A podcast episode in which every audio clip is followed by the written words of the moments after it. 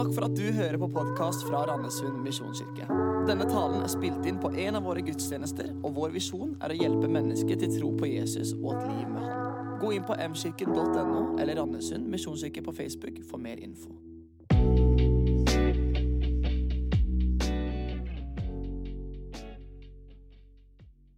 Da hadde Øyvind just blitt, eh, blitt leder. Og da var jeg veldig sånn, jeg var varm i trøya med Øyvind. Da satt rundt bordet. Så sa jeg bare 'ja vel, Skjeggis' over bordet. Jeg så på alle andre at de var litt sånn overraska over at den kommentaren kom til, til Øyvind der. Men når jeg hadde jobbet her i et år eller halvannet, så hadde jeg en ganske tøff periode der jeg opplevde en del kritikk og motstand. og sånn, og jeg tenker Det er en del av gamet, så nå tåler jeg mye mer enn jeg gjorde da. Men da husker jeg ikke om du husker det sjøl, Øyvind, men jeg husker det at da kom Øyvind syklende på døra, en, enten var det dag eller ettermiddag, så hadde han med seg en svær pose med smågodt. Og så sa han bare det at husk at vi tenker på deg og vi ber for deg og vi heier på deg gjennom det her. Og Det er sånne ting som jeg aldri glemmer. For det, det, det er de tingene som betyr så mye for oss mennesker. Når folk ser oss, heier på oss, lufter oss opp. Og det er det jeg kjenner ligger på mitt hjerte, og også på Guds hjerte i mitt liv. Og Derfor har jeg lyst til å prate om det i kveld hvordan vi kan jobbe med å, å hedre hverandre, lufte hverandre opp, heie på hverandre. For vi trenger hele veien noen som syns at vi er bra. Noen som setter pris på oss. Noen som lufter oss opp. Det trenger iallfall jeg i livet mitt hele veien. Og jeg ønsker sjøl å være en sånn inn i andre mennesker sitt liv. Så liker Jeg ikke, jeg likte bedre det her før. I 2012 så likte jeg bedre å reklamere for mine bøker, for det hadde jeg ingen. Eh, men med, men med årene så er jeg blitt litt mer, eh, litt mer avslappa til akkurat de tingene der. Men jeg har ikke skrevet en bok. Jeg har fått mye gode tilbakemeldinger for den. Også for folk som er 60 og 70 som har lest boka. Så er veldig takknemlige. Prater med flere besteforeldre som har kjøpt fem bøker i slengen som de skal gi til sine barnebarn. Eh, og jeg prater just med forlagssjefen min i Hermon forlag, Svein Andersen. som sier det at nå begynner vi å trykke opplag nummer to. Og Det synes jeg er gøy. Så Jeg har snart solgt 1000 bøker. Og Det hadde jeg nesten ikke våget å drømme om. Eh, så jeg synes det er gøy at vi trykker opplag to, og så får vi se hvor mange jeg selger av det opplaget der. Men dette er en bok som handler om ting jeg skulle ønske jeg visste når jeg var typ 15-25. Så jeg påstår at jeg vet litt bedre i fall nå enn jeg gjorde da. Og Det er ikke en oppskrift til hvordan få det perfekte liv, for det, ikke, det fins ikke. Men der er det en bok om ja, hvordan du kan ta bedre valg med å tenke gjennom en del ting. Så jeg vil anbefale den egentlig til alle. og jeg synes Det er gøy når 50-åringer som jeg leste, sier det at Jonny, jeg lærte mye selv av å lese denne boka. her, Selv om min hovedmålgruppe er 15-25. Så jeg sier ikke så mye mer om, eh, om, den akkurat nå. For jeg har lyst til å tale til deg og ikke reklamere så mye om min bok. Men jeg selger den ute etterpå. Så bare kom der, skal du få den for 2,29. 20 kroner i avslag i kveld. Hæ? Kjøper du fem, skal du få det for 1000. Så da sparer du faktisk 150 kroner på det. ikke sant? Så det er veldig fint. Flott. Min tittel i kveld er rett og slett Det handler om å kappes om å hedre hverandre. er tittelen min i kveld. Jeg skal lese noen vers først fra Romerne kapittel 12, vers 10. Og Jeg starter med å lese norsk 1930-oversettelse. Bare fordi at eh, ordene skal få en litt sånn annerledes betydning for oss, så leser jeg for forskjellige oversettelser. Og Der står det Vær ømhjertede mot hverandre i broderkjærlighet. Kappes om å hedre hverandre. I dansk 1917-oversettelse Jeg leser på norsk, for jeg er ikke så god i dansk. Selv om min nye bestevenn i Bergen er dansk, så har jeg ikke lært så mye bedre på det. Her stå, der står det Vær i eders broderkjærlighet hverandre inderlig hengivne forekommer hverandre i at vise ærbødighet. Jeg liker ordet ærbødighet, for det er nesten sterkere for meg enn å hedre. Jeg synes det er så vil jeg ut ta den svenske 1917-oversettelsen. Jeg er 100 år tilbake i tid nå, men det går greit. Og Der står det elsker hverandre av hjertet i broderlig kjærleik. Søken overtreffer hverandre innbyrdes hedersbevisning. At målet er at vi skal egentlig hvis én er hedra nå, så skal målet være at vi skal hedre enda mer. ikke sant? Det er poenget med det som står der. Så leser jeg over fra 1. Peters brev, kapittel 2, vers 17. Der står det Er alle, elsk broderskapet, frykt Gud og er kongen. Jeg tror ikke alltid vi tenker så mye over det, men Jeg som er oppvokst i, i ei bygd, kan jeg si det med hånda på hjertet at det, er det noe du fort får i hånda, eller i hvert fall alle andre har i hånda når du bor i bygd, da er det ei øks, bokstavelig talt òg. Altså. Du må jo lære å, å, gjøre forskjellige ting. Men det er så fort gjort at hvis noen skiller seg litt ut, hvis noen er litt mer frampå, istedenfor å heie på dem, istedenfor å skryte av dem, istedenfor å lufte dem opp, så er vi der med øksa med en gang. Så må vi passe på nei, de må ikke tro at de er noe og så hogger vi av. ikke sant? Så er det noen greiner som begynner å vokse ut fordi at det, det skjer noe i livet. Men Da må vi passe på at vi må hogge av greinene, for de må ikke vokse mer enn de skal. Alle skal være på samme nivå, alle skal være like. Og jeg tror du kan kjenne deg igjen i det. At Istedenfor å skryte av hverandre, så blir det fort gjort sånn at vi blir sjalu. Vi blir misunnelige. Vi snakker ned noen istedenfor å lufte dem opp, istedenfor å hedres. Om, ikke om å kappe, sant? men eh, rett og slett kappes om å hedre hverandre så er vi mange ganger sånn at vi vandrer rundt med denne øksa her. Vi klager på regjeringa, ikke sant? Vi klager på FHI, det er veldig inn nå at de, de, gjør en dårlig jobb. Og ditt og datt. Og så klager vi på at vi betaler for mye skatt. Jeg tror du kan kjenne deg igjen i det. Jeg, jeg syns personlig vi betaler for lite skatt, sorry altså, men det synes jeg. Jeg kunne gjerne betalt 5 mer skatt. Det hadde ikke gjort meg så mye. Jeg sa det til meg til min eh, regnskapsfører på Substans at eh, skal jeg virkelig betale så lite skatt? sier jeg, ja, du skal gjøre det. Så sier jeg ja, men trekk 1500 ekstra i måneden, for jeg syns dette er for lite. Og Han var litt sånn sjokkert, for det var ingen som pleide å si det sånn. Men mange ganger er vi, så, altså, vi er så gode til å fokusere på det som ikke fungerer. Og så glemmer vi at vi bor i et av verdens beste land. Så glemmer vi at vi egentlig har det ganske bra. Så glemmer vi at det er så mye bra folk rundt dere og så blir vi opptatt av oss sjøl og tenker ikke videre på det andre sånn som vi burde. Jeg skal lese noen vers til her til dere. Dette er ganske radikalt. og Det står i Jakobs brev. Jeg har just fått en sønn for to måneder siden som heter Jakob. Det er ikke han som skrev det her. Jeg håper ikke han blir så radikal egentlig. Eh, eller kanskje det, får se. Men det står i Jakobs brev kapittel 3, vers 5 og 6 og vers 9 og 10. så står det. Slik er det også med tungen. Den er en liten kroppsdel, men kan skryte av sin store makt. Ja, en liten ild kan sette den største skog i brann. Også tungen er en ild, en verden av ondskap blant våre lemmer. Den smitter hele kroppen og setter livshjulet i brann. Og selv blir den satt i brann av helvete. Med den lovpriser vi vår Herre og Far, og med den forbanner vi mennesker som er skapt i Guds bilde. Fra samme munn kommer det både lovprisning og forbannelse. Slik må det ikke være, mine søsken, leser vi i Jakobs brev. At ord har så usannsynlig mye makt. Hvis du får høre i din barndom at du er bra, vi tror på deg, vi heier på deg, så er det så mye større sannsynlighet for at du vil lykkes i livet, enn hvis du hele veien får høre at du er ikke noe, du betyr ikke noe, du er ikke noe gaver, du er ikke noe talenter. Jeg kan bare huske selv at eh, Det er to ting jeg husker fra min oppvekst eh, sånn sett negativt. Det er ingenting med mine foreldre å gjøre. Men jeg fikk høre det, at det var to ting jeg ikke kunne. Og Det ene var at jeg var veldig dårlig i engelsk. Jeg var ikke så god i engelsk heller. jeg kan jo si det. Men det ble sagt igjen og igjen at Jonny, du kan ikke snakke engelsk. Og til og med til den dag i dag, når jeg er 32 år gammel, så er det sånn at noen ganger jeg skal prate engelsk, og det står nordmenn rundt meg, så, jeg, så kan jeg mange ganger begynne å stamme. Fordi jeg tenker tilbake på det som ble sagt før. Og nå i dag prater jeg ganske godt engelsk, og jeg, leser godt, altså jeg skriver godt engelsk. Så det er egentlig ikke noe problem, men det henger igjen fra jeg var liten. Fordi at folk sa at du er så dårlig engelsk. Og Husk jo det at alle sa at Johnny, du er så umusikalsk. Du synger så falskt. Og til og med til den dag i dag så merker jeg det noen ganger når jeg skal synge en plass eller skal spille. Så, så blir jeg plutselig bare supernervøs. For jeg har ikke hørt ikke av mine foreldre, men av noen av mine søsken og folk rundt meg at nei, Johnny han er så utrolig umusikalsk. Og så hang det med meg. Og Derfor torde jeg ikke begynne å spille gitar før jeg var 16 år gammel. fordi at jeg var så umusikalsk, ikke sant? Og Nå behersker jeg det instrumentet ganske godt i dag. Men det er jo sånn at du drar det med deg. Og jeg tror Hvis du tenker i ditt liv så er det ting som er blitt sagt om deg, så, så bli dratt med deg. Selv om du, du ber om å bli satt i fri for det, du jobber med det, og det gjør jeg òg, så kan du likevel kjenne at det sniker tilbake.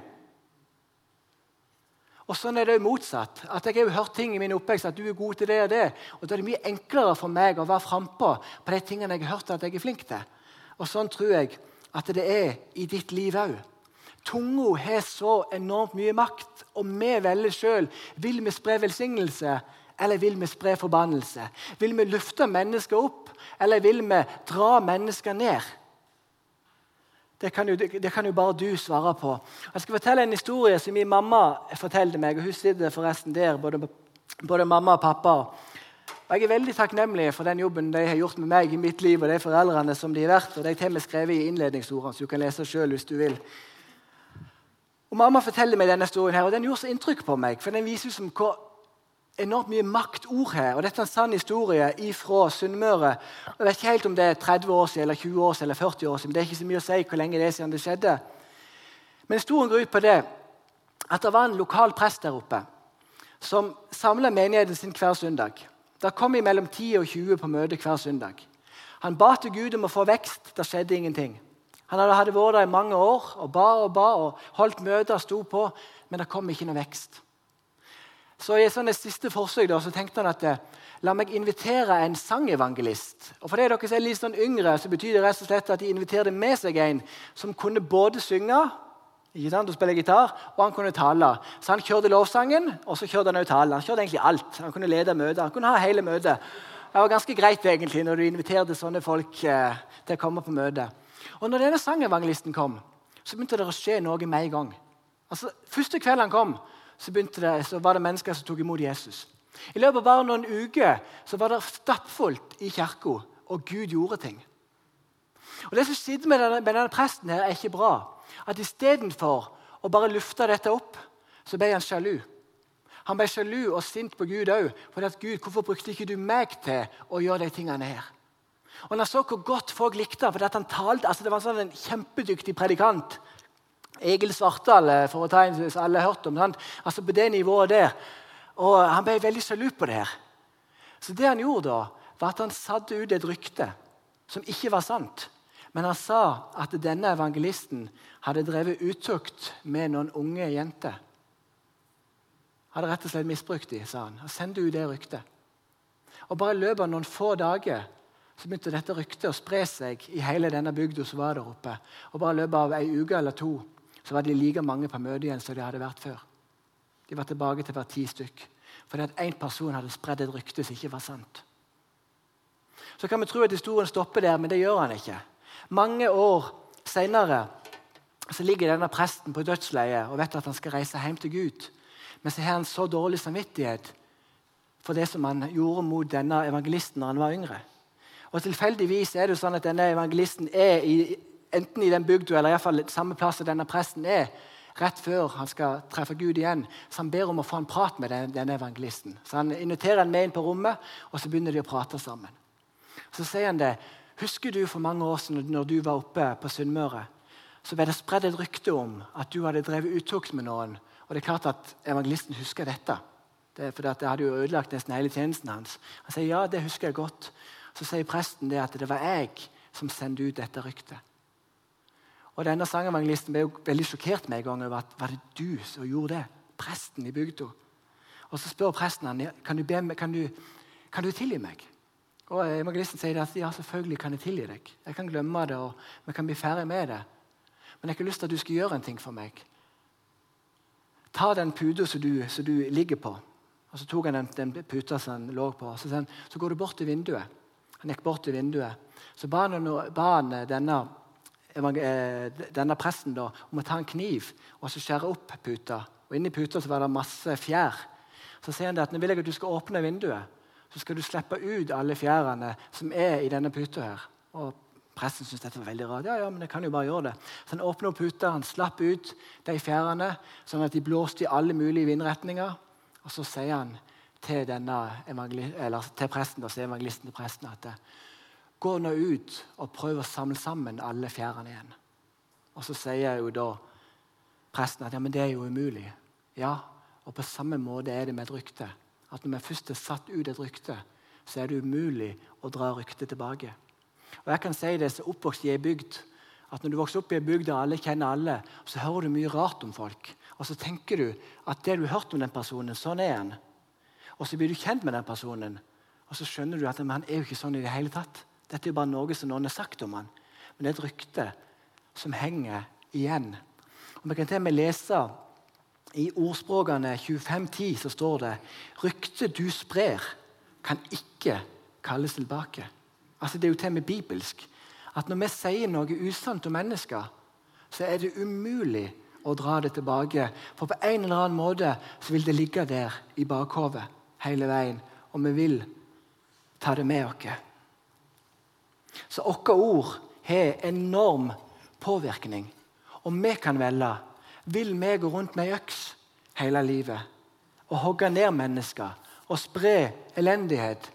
Eller ønsker vi å legge ned øksa, og når vi kjenner at vi har lyst til å si noe negativt om noen, så ber vi Gud en ekstra gang om at Gud hjelper meg til ikke å si dette negative. Og Jeg har ikke jobbet med dette spesielt de siste årene så jeg jobbet ekstra mye med dette for, jeg, for å bli enda mer bevisst på det. Så tenker jeg noen ganger, Hvis jeg skal si noe som ikke, som ikke er oppbyggende, så prøver jeg å tenke hvorfor vil jeg, hvorfor vil jeg si dette? Og for å være ærlig, Ofte når vi snakker negativt om andre mennesker, så er det for å bygge oss sjøl opp. Og Jeg ser det igjen og igjen. Jeg har ikke lyst til å si noe feil om noen. Så er det for at jeg sjøl skal bli bygd opp. Og Da må jeg gå til Gud og si at Gud tilgi meg. Jeg ønsker ikke tenke sånn, jeg ønsker ikke si sånn, jeg ønsker ikke være en sånn person. For jeg ønsker å være en person som bygger opp. En, en person som løfter mennesker. En person som sprer glede der jeg er. Og jeg leser nå I den nye oversettelsen fra Romerne 12,10 så står det Vær varmhjertet mot hverandre i broderkjærlighet. Kappes om å hedre hverandre. Elsk hverandre inderlig som søsken. Sett de andre høyere enn dere selv. Og Når du går på grunnteksten og ser på ordet 'kappes', så betyr det faktisk å gå foran som en guide. At på samme måte som når du er på en, sånn en, eh, en tur en, en plass i utlandet, så er det en guide som viser deg alt. På samme måte som vi er Gud til at vi skal gå foran og snakke godt og positivt om mennesker rundt dere. Vi skal løfte mennesker opp, vi skal reise dem opp, vi skal fortelle at du har gaver, du har potensial, jeg ser deg, jeg heier på deg, jeg løfter deg opp. Og jeg kan si det at I løpet av mine tre år som rektor på en bibelskole i Bergen så jeg fikk lov til å være med på det. At det kom elever inn, de har ikke tro på seg sjøl i det hele tatt, men i løpet av ett år så får jeg bare se wow, hva Gud kan gjøre i livet deres. Og hvorfor det? Jo, fordi at vi dere sier at du er bra, du kan, du har gaver, du er noe som ingen andre er. Og Hadde vi vært i en pinsemenighet nå, så kunne du faktisk gitt meg et lite amen. Kan du det? Ja, bra. Takk for den. Hvor mange av dere har hørt om sir Alex Ferguson? En veldig kjent fotballtrener. Det er noen av dere som har gjort det den beste fotballtrener som kanskje noen gang har vært. Det er liksom ingen over, ingen ved siden. og det er, er, noen som er på vei opp, men de er ikke der ennå. Og Jeg er ikke Manchester United-fan, så jeg sier dette helt objektivt. faktisk. Men sir Alex Ferguson en, var en fantastisk manager og, og, type. og Jeg holder på å lese en bok av han nå en type biografi av han. For han inspirerer meg. Og Det som var så fantastisk med Alex Ferguson, så skilte han ut fra alle de andre managerne nesten, det var det at når han vant en tittel dere se, dette var tittelen. Så klarte han skryte av spillerne sine. det gjorde han. Men han tok med seg Premier League-trofé eller Champions League-trofé så tok han det med seg på jobb på mandagen da, når de hadde vunnet på lørdagen. eller noe sånt. Så tok han det med seg ned til materialforvalteren i Manchester United fotballklubben. Så sier han til materialforvalteren at denne tittelen her, den har du vært med å vinne. Takk for den jobben du gjør, og takk for den du er.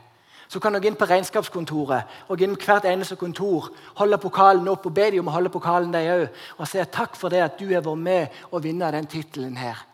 Og det gjorde han. Han var kjent for det som leder og i lederskap. At det var måten han gjorde ting på. At Han heide på folk, han løfta dem opp. Og ja, vi leser jo historier som ikke er bare positive, selvfølgelig.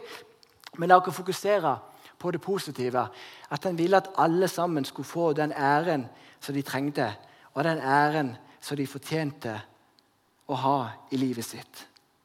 Så Min utfordring til deg i kveld er rett og slett ganske enkel.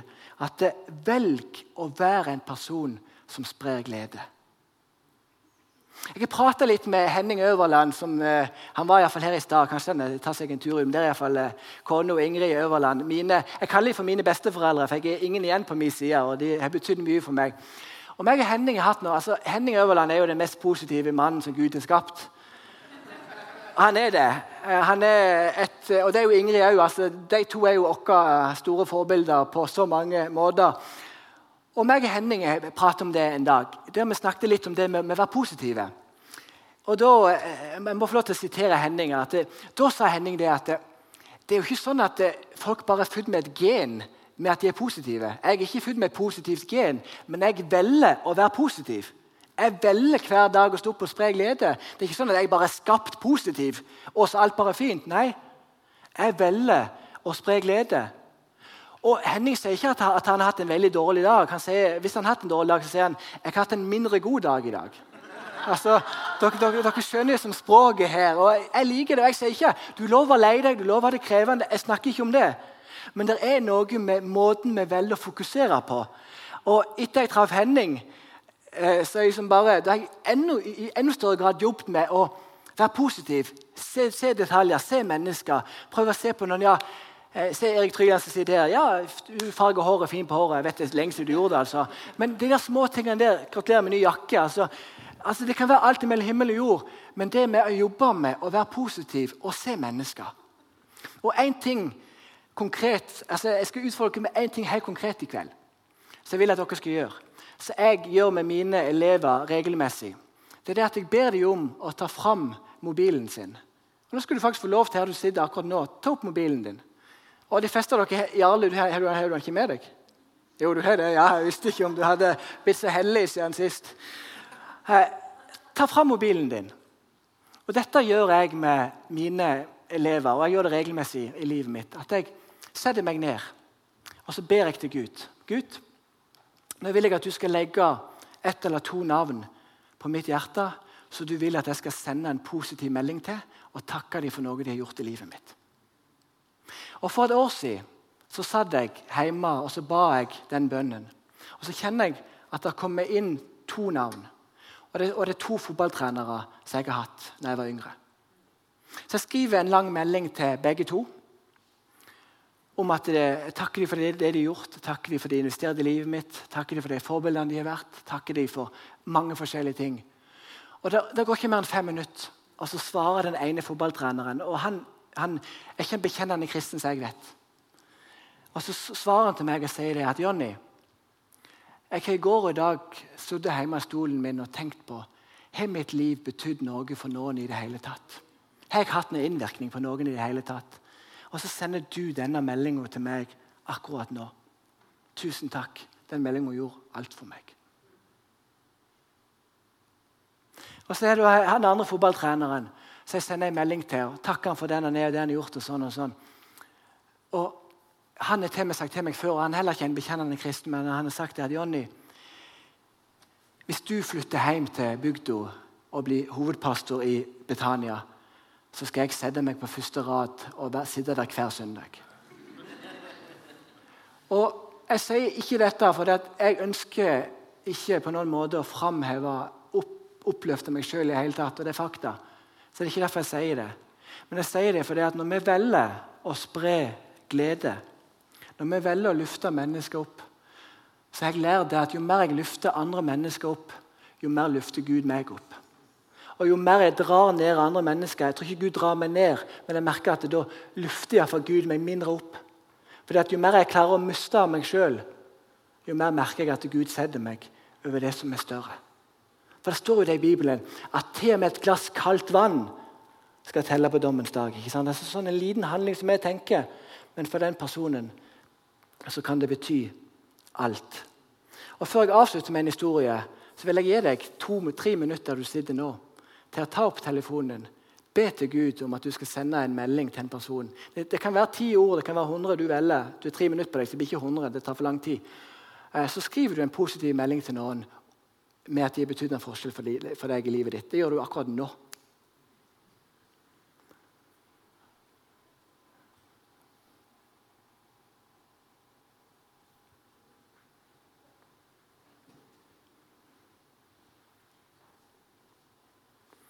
Jeg vet ikke om dette blir lagt ut på podkast, hvis du gjør det, så hvis du kjører bil, så ikke skriv melding da, men stopp bilen og så skriver du en melding. Ellers gjør det når du kommer hjem. Det er derfor det er rolig akkurat nå.